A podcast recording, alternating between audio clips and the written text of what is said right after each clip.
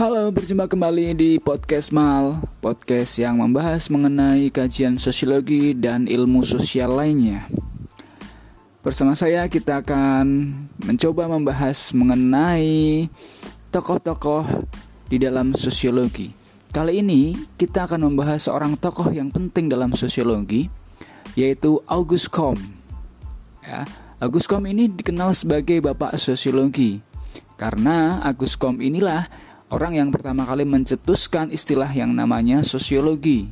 Sehingga sampai sekarang kita bisa mengenal apa yang dinamakan sebagai ilmu sosiologi. Agus Comte sendiri adalah seorang tokoh yang berasal dari Perancis.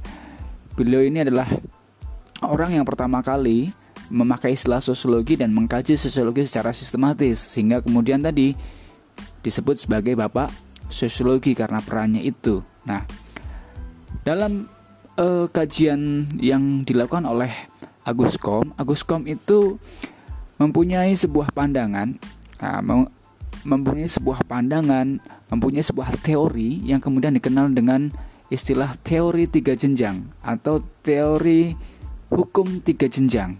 Nah, teori ini mengkaji mengenai tahapan pemikiran-pemikiran yang dialami oleh manusia dalam perkembang dalam perkembangannya ya.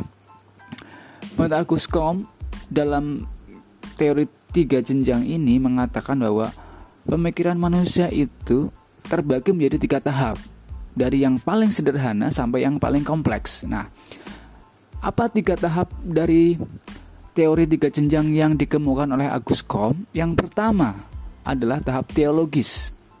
Apa itu tahap teologis? Nah, dalam tahap teologis ini Agus Kom mengatakan bahwa Tahap pemikiran manusia itu masih beranggapan bahwa benda-benda yang ada di dunia ini mempunyai jiwa dan kemudian hal itu disebabkan oleh adanya kekuatan di atas kekuatan manusia.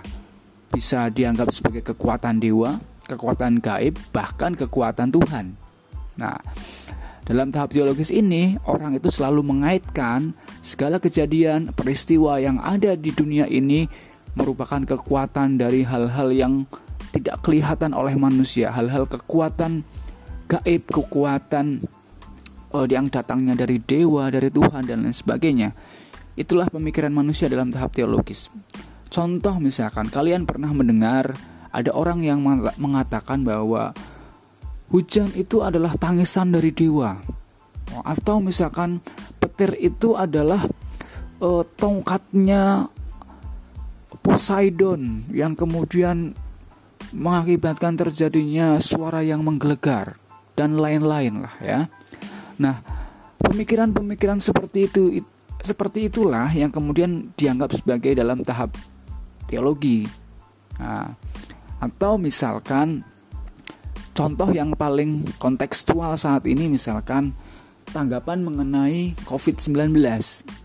Jika ada orang yang mengatakan bahwa COVID-19 ini adalah kutukan dari dewa, azab dari Tuhan, kemudian uh, apa namanya ya, uh, wabah yang datangnya dari kekuatan-kekuatan gaib. Nah, orang yang berpikir demikian itu berarti dia masih berada dalam tahap teologi. Nah, karena mengaitkan sesuatu yang ada di dunia ini, yang terjadi di dunia ini selalu dikaitkan dengan hal-hal yang gaib. Nah, itulah tahap teologi yang pertama. Tahap yang kedua, menurut Agus Kom, adalah tahap metafisis atau metafisik.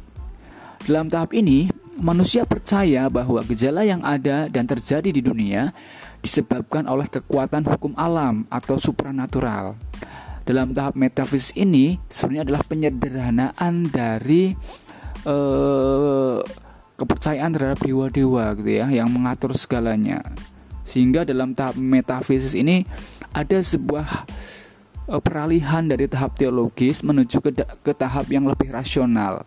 Namun manusia dalam tahap metafisis, metafisis ini selalu mengaitkan apa yang terjadi ini sebagai gejala alam. Nah, tidak lagi selalu dikaitkan dengan kekuatan gaib gitu ya, tapi sudah menganggap bahwa apa yang terjadi ini adalah gejala alam.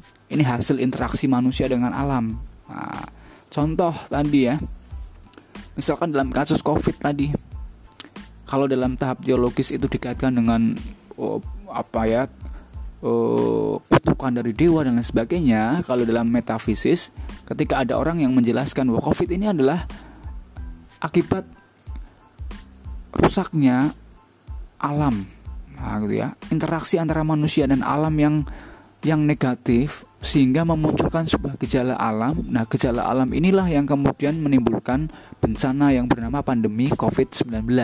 Nah, orang-orang yang berpikiran seperti ini berada dalam tahap metafisik. Nah, seperti itu. Makanya tahap metafisik ini adalah tahap tengah-tengah gitu ya. Peralihan dari tahap teologis menuju ke tahap positif yang akan kita jelaskan di tahap ketiga. Oke, kita menuju ke tahap ketiga. Nah, tahap ketiga sendiri adalah tahap positifis.